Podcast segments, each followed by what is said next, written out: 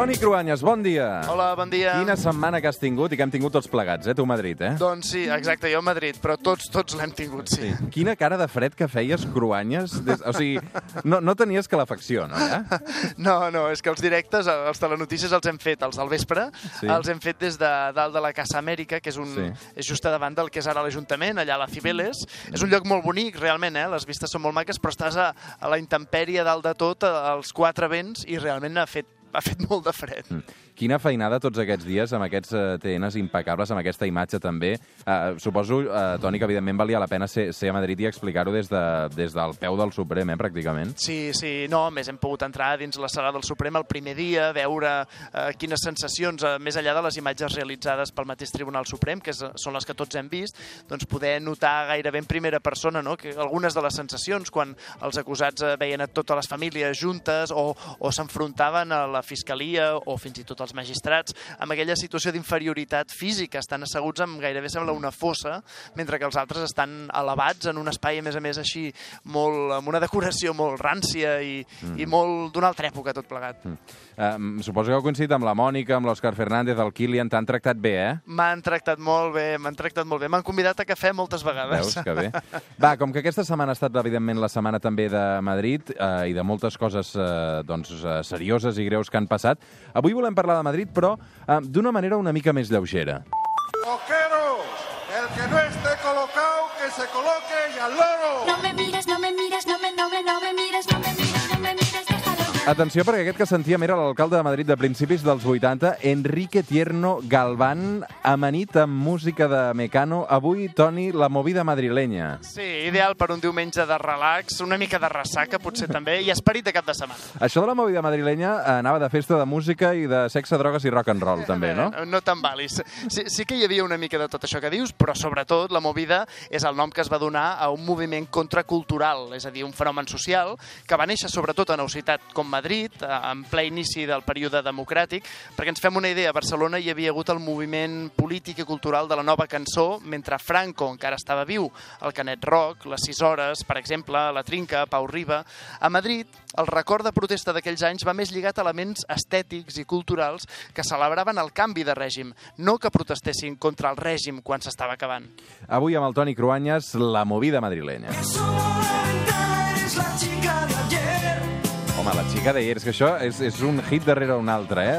La versió castissa d'alguna manera del maig del 68, la, media, la movida madrilenya, podríem dir, o és massa agosaràs? No, no, sí, sí, m'agrada. És una bona referència, perquè en el fons la movida va ser una suma d'elements de modernitat vinculats a canvis polítics, també l'obertura al món, grups de música que imitaven la que arribava del món anglosaxó, més que no pas de la tradició pròpia de la cançó espanyola. Idees d'esquerres que anaven arrelant i que poc després propiciarien la victòria electoral del PSOE de Felipe González a tot Espanya l'any 1982. La movida quan va començar? Hi ha un moment en què sembla que diferents grups musicals prenguessin consciència que formaven part d'una mateixa cosa.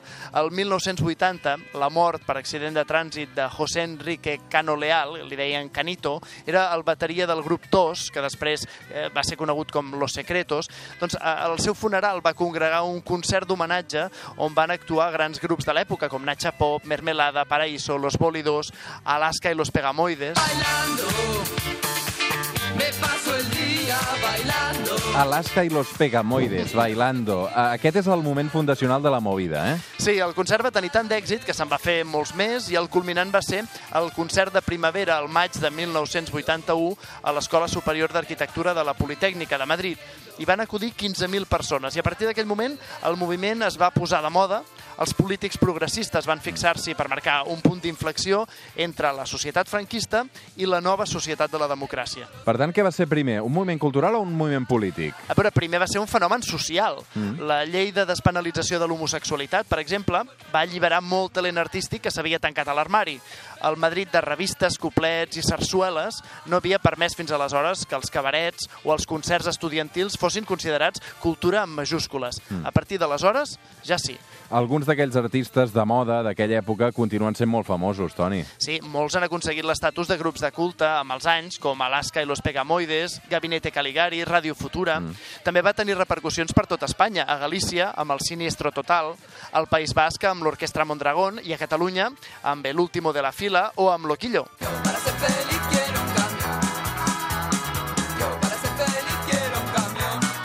Clar, aquí era un camió, segurament no és la cançó més reivindicativa, però, però sí que moltes també d'aquelles cançons d'aquella època eh, doncs eh, reivindiquen precisament això, la classe obrera, no? el barri perifèric, eh? Sí, no, no arriba a ser una cançó denúncia, però la música ja no calia que fos sobre grans temes eh, com havien estat sempre, l'amor, la pàtria o l'esperit.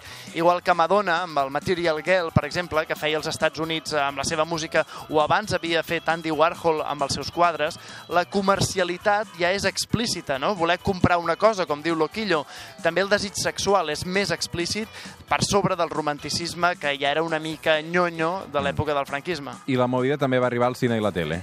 Sí, Pedro Almodóvar és el gran exponent en pel·lícules com Pepi, Lucy Bomb i otras chicas del montón o Laberinto de Pasiones, amb històries d'homosexuals i de transvestits protagonitzades per Antonio Banderas o per la mateixa Alaska, però també els directors Fernando Trueba o Fernando Colomo són part de la movida madrilenya. La seva exportació, més tard, ajudada pels governs espanyols successius, de fet va ser l'inici per combatre la imatge d'Espanya dels anys 40 de dictadura. Que tiene esta La bola de cristal amb l'Alaska, això també va ser una revolució, eh? I tant, aquesta la recordo jo. Jo no, jo no tant, aquesta, però... Eh, doncs mira, era un programa infantil de televisió espanyola que va trencar esquemes perquè mostrava també fins on arribava aquesta movida, els àmbits que fins llavors no eren considerats pròpiament culturals. Eh, La tele era menys preuada com a lloc d'experimentació cultural, més enllà dels dibuixos animats, com els patrons nord-americans o també de les escoles religioses estrictes del franquisme. La bola de cristal era una manera d'educar els nens amb nous valors, alguns soterrats i altres molt explícits, com l'anticapitalisme de la brujeria. Mm. Um, com es va acabar la movida? Per alguns no va acabar mai. La marca Movida madrilenya va tenir tant èxit que encara avui l'utilitza per fer-se els moderns. Mira, l'altre dia vaig llegir en una entrevista a la dissenyadora de moda, Agatha Ruiz de la Prada, mm. que ella es considerava hereva de la Movida. I el director de tants programes de reality de Telecinco, de programes escombraria, com Jorge Javier Vázquez, també reivindica els gambarrismes dels seus programes com una versió actualitzada de la transgressió de la Movida. Tu n'has vist alguna cosa eh, de la movida aquesta setmana que has estat a Madrid? Doncs la veritat és que no gaire, eh? Entre... Perquè, de fet, una característica de la movida és el gust per les festes i per la nit. I t'asseguro que aquesta setmana no, no hem estat per gaires festes. Va, avui arribem a les 9 amb aquesta proposta. Stop me, hada, estrella invitada. Víctima del desamor. L'havies ballat mai, aquesta, tu, Cruanyes, o no? Sí que l'he ballat. Tino Casal, i tant. Sí, no, Casal embrujada. Uh, Toni, bon diumenge, una abraçada ben forta. Bon diumenge.